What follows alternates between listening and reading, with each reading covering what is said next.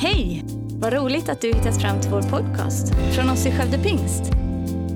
Vår bön är att den ska hjälpa dig förstå mer om vem Gud är, bygga din relation med honom och ge praktiska verktyg för ditt liv.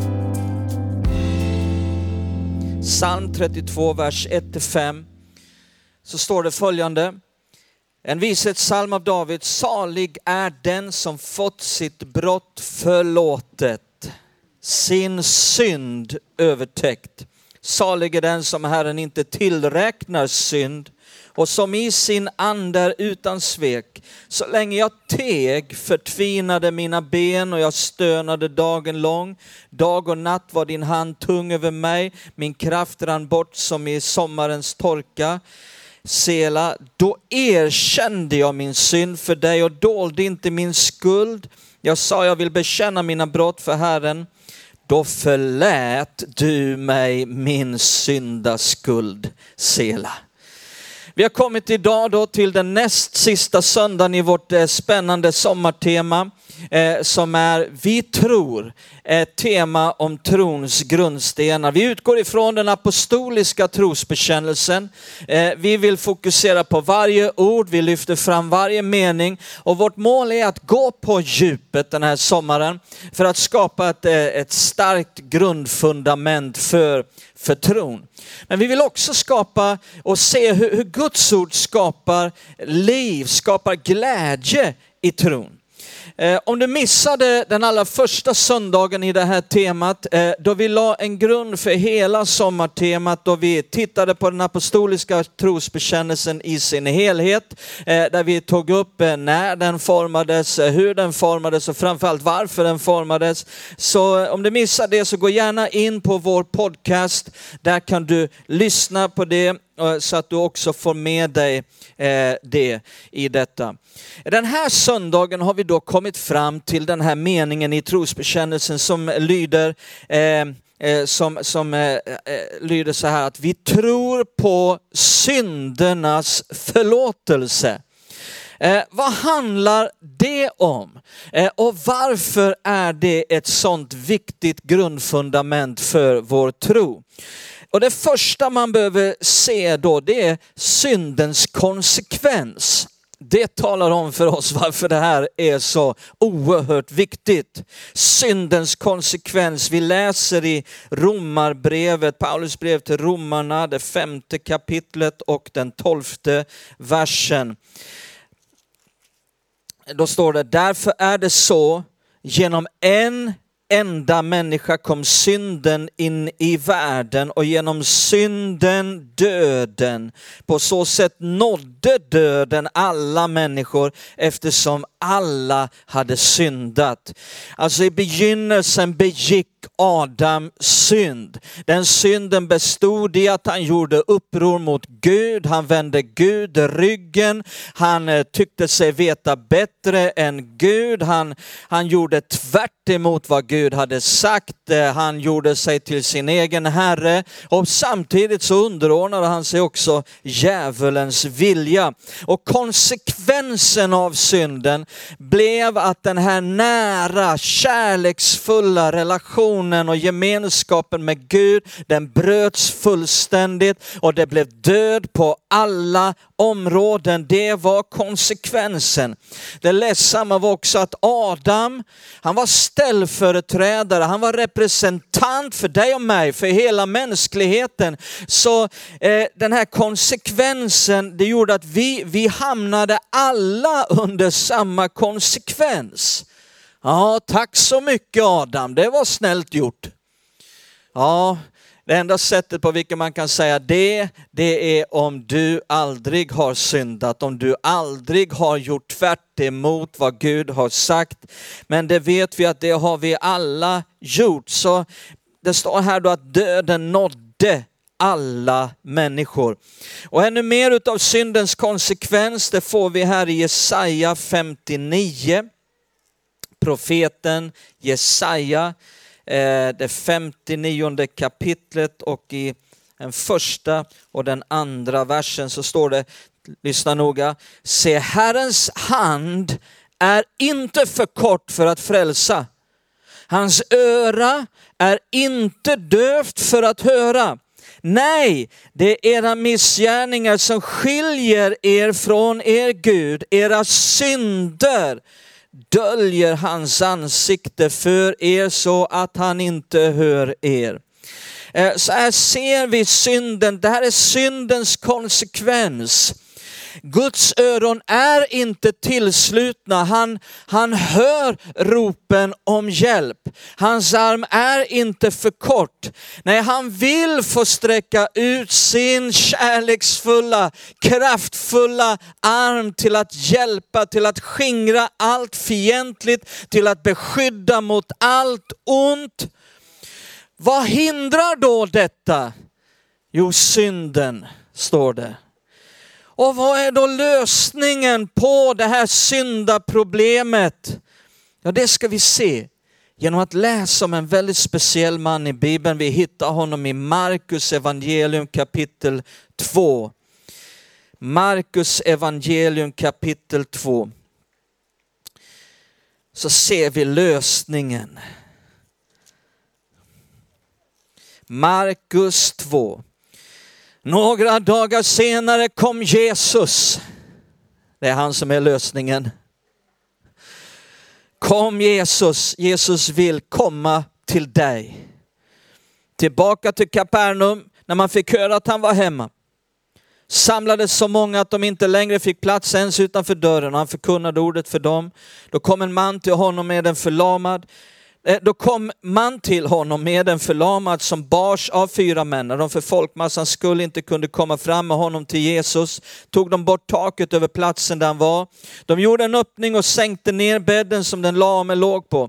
Jesus såg deras tro och sa till den lame, mitt barn, dina synder är förlåtna. Nu satt där några skriftlärare och de tänkte i sina hjärtan, varför talar han så? Han hädar. Vem kan förlåta synder utom Gud? Jesus förstod genast i sin ande att de tänkte så inom sig. Han sa till dem, varför tänker ni så i era hjärtan? Vad är lättast att säga till den lame, dina synder är förlåtna, eller att säga, res dig och ta din bädd och gå. Men för att ni ska veta att människosonen har makt på jorden att förlåta synder, säger jag dig. Och nu talar han till den lame, res dig, ta din bädd och gå hem.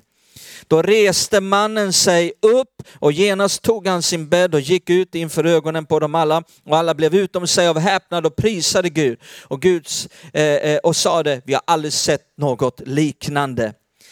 Alltså varför förlät Jesus den här mannens synder? Har du tänkt på det? Ibland har jag tänkt på det. Därför att den här mannen, det var inte därför han hade kommit. Han hade ju kommit för att bli helad. Alltså målet för honom var att få resa sig upp från den här sängen och kunna gå igen. Varför förlät Jesus den, den här mannens synder det första han gjorde? Jo, Jesus förlät den här mannens synder så att Guds arm, Guds kärleksfulla, kraftfulla arm, helande arm skulle kunna nå fram till honom och resa honom upp. Eh, syndernas förlåtelse, det är aldrig slutmålet för frälsningen. Syndernas förlåtelse är aldrig slutmålet för försoningen eh, med Gud. Syndernas förlåtelse är det som öppnar upp för det som är målet. Den kärleksfulla, nära relationen med Gud och för att Gud ska kunna verka med kraft i människors liv. Eh, kanske att det faktiskt också var så att den här mannen bar på en medvetenhet om synd. Kanske att han var lite plågad i sitt psyke över saker som han hade gjort och sagt. Kanske att han bar på skam. Kanske han bar på en eh, starka, starka skuldkänslor. Kanske att han behövde få höra att allt var förlåtet så att han skulle kunna ta emot ifrån Gud. Därför att vet du vad? Det är på det här sättet att, att mycket av sjukdomar som människor lider utav är orsakat utav stress. Läkare kan säga att det finns sjukdomar som når djupare än vad någon operationskniv kan skära. Det finns sjukdomar som, vissa sjukdomar har sin rot i själen, är orsakat av stress. Det kan många läkare se, men vad inte lika många ser, det är att det går djupare än så. Det går djupare än stressen. Det, går, det är någonting som ligger under stressen som inte alla ser. Att under stressen kan det ligga skuld. Skuldmedvetenhet, en djup känsla inom sig själv att det är något som inte stämmer. En, en medvetenhet om skuld, att man känner sig skyldig, att man, man behöver få komma rätt med sitt liv. Vet du vad? Jesus kom för att radera ut all skuld. Vi ser också samma mönster på andra ställen i Bibeln hur det kommer en syndernas förlåtelse och sen bryter Gud igenom med sin kraft. Till exempel i en berättelse vi har i Apostlagärningarna 10. Där Petrus, aposteln Petrus, för första gången ska predika det glada budskapet om Jesus för icke-judar, för hedningar, för en officer, en romersk officer som hette Cornelius och hela hans hushåll och alla hans tjänare och alla hans vänner var samlade. Och titta vad som står här i Apostlagärningarna 10 och vers 44 till 48. Medan Petrus ännu talade föll den heligande över alla som hörde ordet. De troende judarna som hade följt med Petrus häpnade över att den helige andes gåva blev utgjuten också över hedningarna. Eftersom de hörde hur de talade i tungor och prisade Gud. Då sa Petrus, ingen kan väl hindra att de döps med vatten när de har fått den helige ande precis som vi. Och han befallde att de skulle döpas i Jesu Kristi namn. Sedan bad de honom stanna några dagar. När Petrus talade Medan han ännu talade så föll den heligande över Cornelius, alla hans vänner, tjänare, eh, hela hans hushåll där. Eh, vad var det som hände? Jo, de upplevde frälsningen, de fick uppleva pånyttfödelsen, de fick uppleva det nya livet och gemenskapen med Gud. De fick uppleva hur Guds kraft och Guds härlighet kom över dem. Men frågan jag vill ställa är, och det jag vill att du ska se, när hände det? Vad var det, alltså medan, han, medan Petrus ännu talade, så avbröt Gud honom, sa Petrus, kliv åt sidan, här kommer jag. Mitt i predikan så avbryter Gud kliver in på scenen. När hände det? Vad var den sista meningen Petrus sa? Vad var de sista orden som kom över Petrus läppar när detta hände? Vi pingstvänner, vi kanske tycker att det är vers 38 som borde vara den sista. Titta här vad som står i vers 38. Då står det hur Guds moder Jesus från Nasaret med den heliga ande och kraft. Han gick omkring och gjorde gott och botade alla som var i djävulens våld för Gud var med honom. Alltså vi pingstvänner kanske kan tänka att om vi bara säger det så faller den helige ande. Eh, men det var inte det sista. Det sista Petrus han få ur sig var vers 43. Titta i vers 43, för i vers 44 smäller det. Vers 43. Om honom vittnar Jesus alltså, om Jesus vittnar alla profeterna att var och en som tror på honom får syndernas förlåtelse genom hans namn. Där small det. Vad hände? Jo, Cornelius hans familj, hans tjänare, hans vänner, allihopa började tro på Jesus. Och de började tro i det ögonblicket på syndernas förlåtelse genom hans namn. Och det gjorde när den här tron på syndernas förlåtelse upprättades, tron på en full förlåtelse, en oändlig förlåtelse, en total förlåtelse, en kravlös förlåtelse. När den tron upprättades i samma stund förlät Gud deras synder, himlen öppnades, den heligande föll. Där fanns inget mer hinder och Gud vill inte vänta en sekund till. Petrus, du har gjort ett jobb, tack så mycket, pang! De religiösa ledarna, de störde sig på att Jesus förlät synder. Hur kan han förlåta synder? Vet du vad? Han kan förlåta synder därför att han på ett kors på Golgata kulle skulle ta på sig våra synder, bli gjord till ett med alla människors synder, bli straffad för allt detta i vårt ställe. Precis som Adam var en ställföreträdare, en representant för hela mänskligheten och vad han gjorde det drabbade oss alla. På samma sätt var Jesus en ställföreträdare, en representant för hela mänskligheten. Men i att ta vårt straff i vårt ställe. Han representerade oss alla i det. Och här kommer nu det sista jag vill att du ska se. Vikten av att vi tror det här budskapet. Vi har sett syndens konsekvens, vi har sett att Jesus förlåter alla synder. Men vikten av att vi tror budskapet. Därför att när vi tror detta budskap, då förlåter Gud våra synder. Och lyssna nu, det här, här kommer någonting som jag ber till Gud att ett ljus ska bryta igenom i ditt liv, att du får uppenbarelse över detta. När du tror det här budskapet, då förlåter Gud våra synder. Men lyssna, han förlåter inte bara fram till dess att du gör en synd igen. Syndernas förlåtelse handlar inte om att hanka sig fram från synd till synd att du får förlåtelse, men bara fram tills du gör en synd igen. Nej, syndernas förlåtelse som vi läser om i den apostoliska trosbekännelsen. Syndernas förlåtelse handlar om att Gud i ett ögonblick förlåter all synd och skuld som du någonsin har gjort och som du någonsin kommer att göra in i all evighet.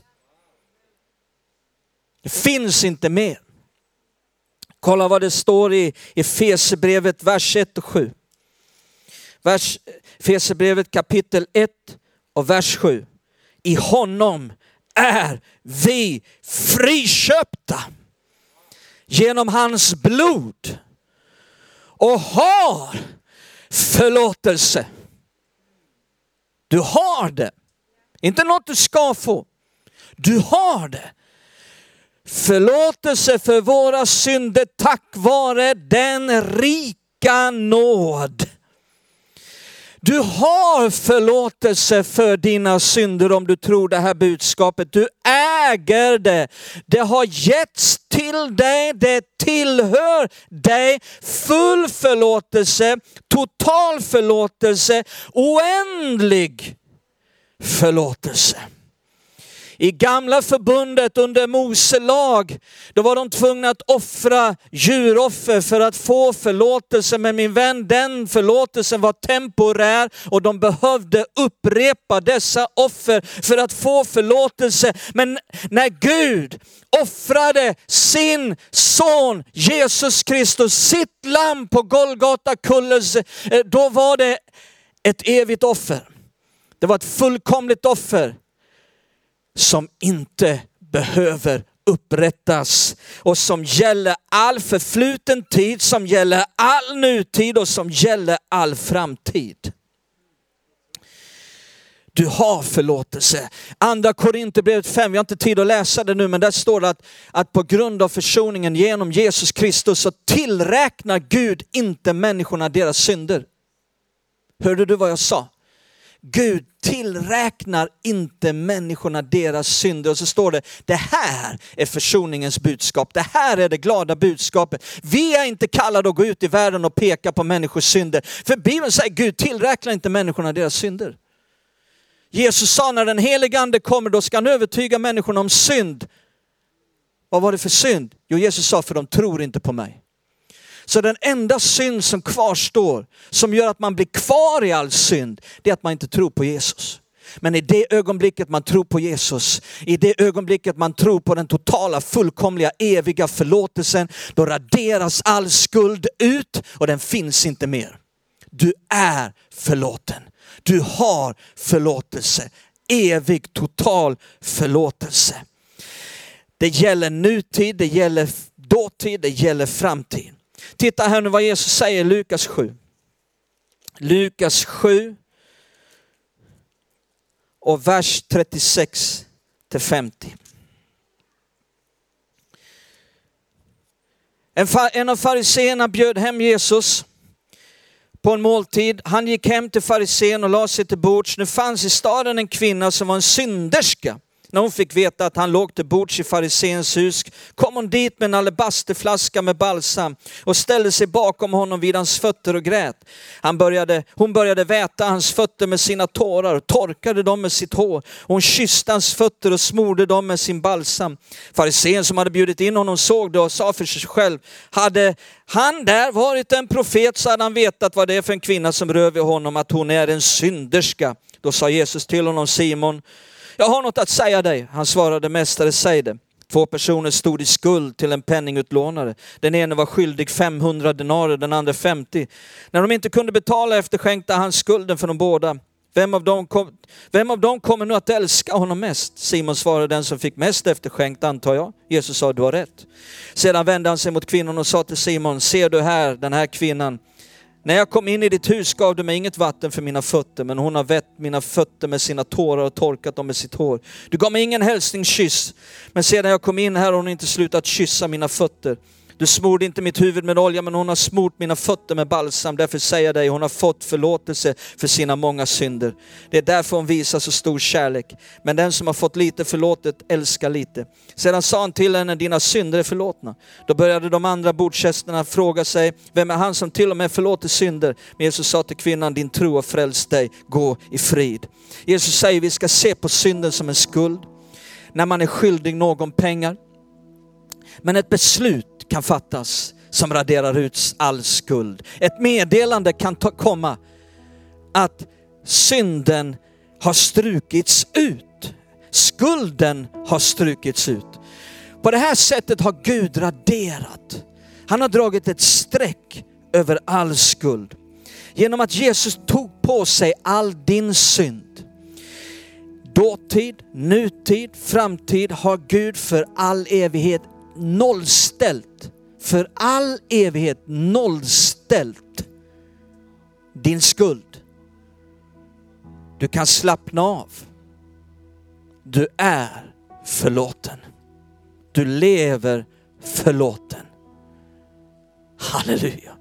Ja men Sven, då blir jag glad. Då kan jag slappna av. Ja men vad bra, du blir glad. Det är det glada budskapet. Ja men då blir jag tacksam. Vad bra. Då känner jag men att jag älskar Jesus. Vad bra. Då känner jag att jag vill bara göra någonting för Jesus. Av tacksamhet. Vad bra. Därför att Gud vill att det vi gör för honom ska bara vara motiverat av tacksamhet. Över nåden, över kärleken, över glädjen. För det vi har tagit emot. Aldrig för att vi ska förtjäna syndernas förlåtelse. Utan han vill att vi ska bara ta emot av nåd. Tack för att du lyssnat. Dela gärna podden med dina vänner och glöm inte att prenumerera så du inte missar nästa predikan. Om du har några frågor eller vill att vi ska be eller tacka för något tillsammans med dig så får du gärna höra av dig till kyrkan skövdepingst.se. För oss är veckans höjdpunkt söndagens gudstjänst och det vore så kul att träffa dig där. Våra team finns då redo att ta emot dig och det finns även egna samlingar för barnen. Du hittar mer information om oss, vilka vi är och våra olika mötesplatser på skövdepingst.se. Gud välsigne dig och ha en fortsatt bra vecka.